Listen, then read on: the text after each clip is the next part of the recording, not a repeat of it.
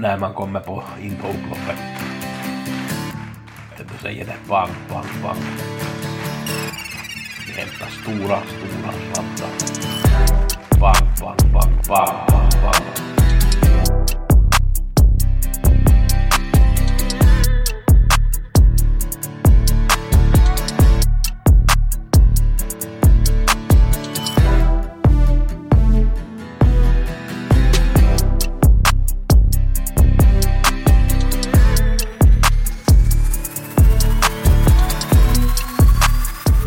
Vi har veckopodden med Gusse. Vi ska gå igenom förra veckan, det var ju måndag, tisdag, onsdag och lördag som jag hade tips och så ska vi kolla lite på den här veckan som kommer också. Eh, Gustav.hager.gmail.com om ni är intresserade av de här tipsen och den här veckan kommer jag till ha på onsdag V86, det är ju jackpot 25 miljoner kronor och så är det ju en liten jackpot på V75 på lördag på Solvalla knappt 6 miljoner.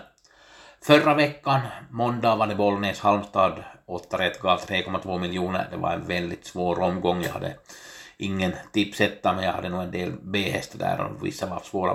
Mitsi igår var ganska svår åt mig. Den var inte enkelt att hitta. Inte. Uh, desto mer om den omgången och så tar vi tisdagen Eskilstuna-Bjerke, då hade jag tre hästar i A-gruppen och bästa spiken Travis vann och den var ju jättebra. Banni hade rankat etta i första och den vann också. Det gav fyra och en halv tusen så det var ju egentligen inte så mycket pengar att prata om som det gav då på tisdag.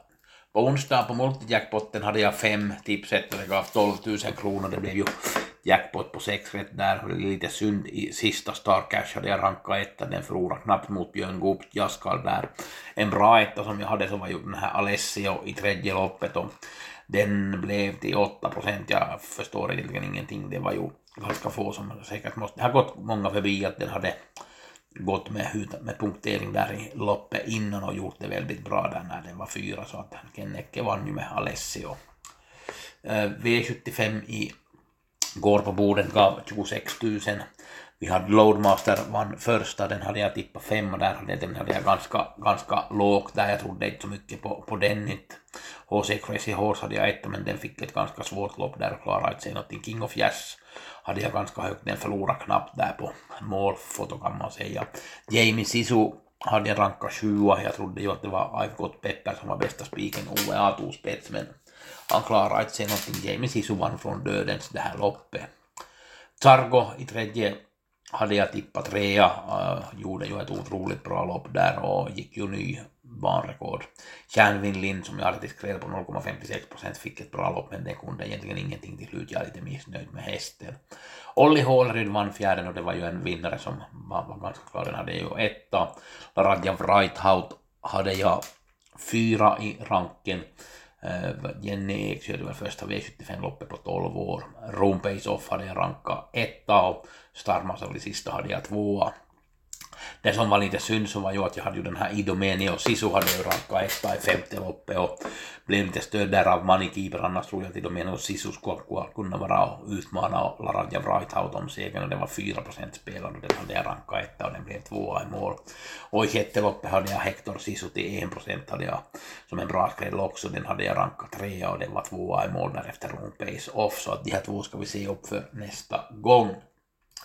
Uh, imorgon har vi jackpot 5 miljoner på Mantorp. Jag har inga tips men jag kollar i alla fall det här första loppet. Där ser det ut som en Amazing Justice skulle bli favorit där.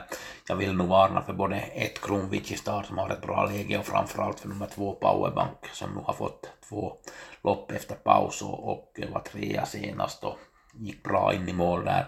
Stefan Persson kör, man tar bort skorna bak där så att Powerbank tror jag kan vara en fin vinnare imorgon på Mantorp och Kronwitch Star 1 behöver också sträckas.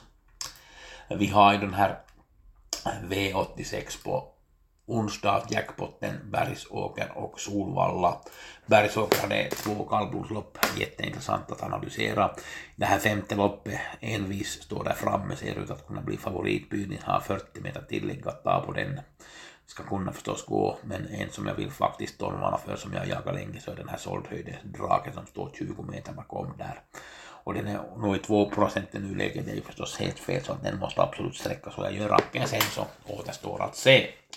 Lördag har vi ju jättebra lopp på Solvalla. Jag har kommit några listor och några lopp har kommit fram. Jag har inte kollat på dem desto mer eller någonting men att vi har ju jättebra det är ju också och, och det är ju kriterium där och det är ju UT Grand Prix och det är nog diamantstoet och silverdivisionen och brons där. Det är nog otroligt bra lopp hela vägen som kommer att komma där så att blir nog en intressant omgång på Solvalla. Gustav.hagratgmail.com om ni är intresserade av de här tipsen till, till Solvalla eller på, på lördag eller sen V86-tipsen Solvalla Bergsåker på onsdag och sen skicka mejl så berättar jag mera.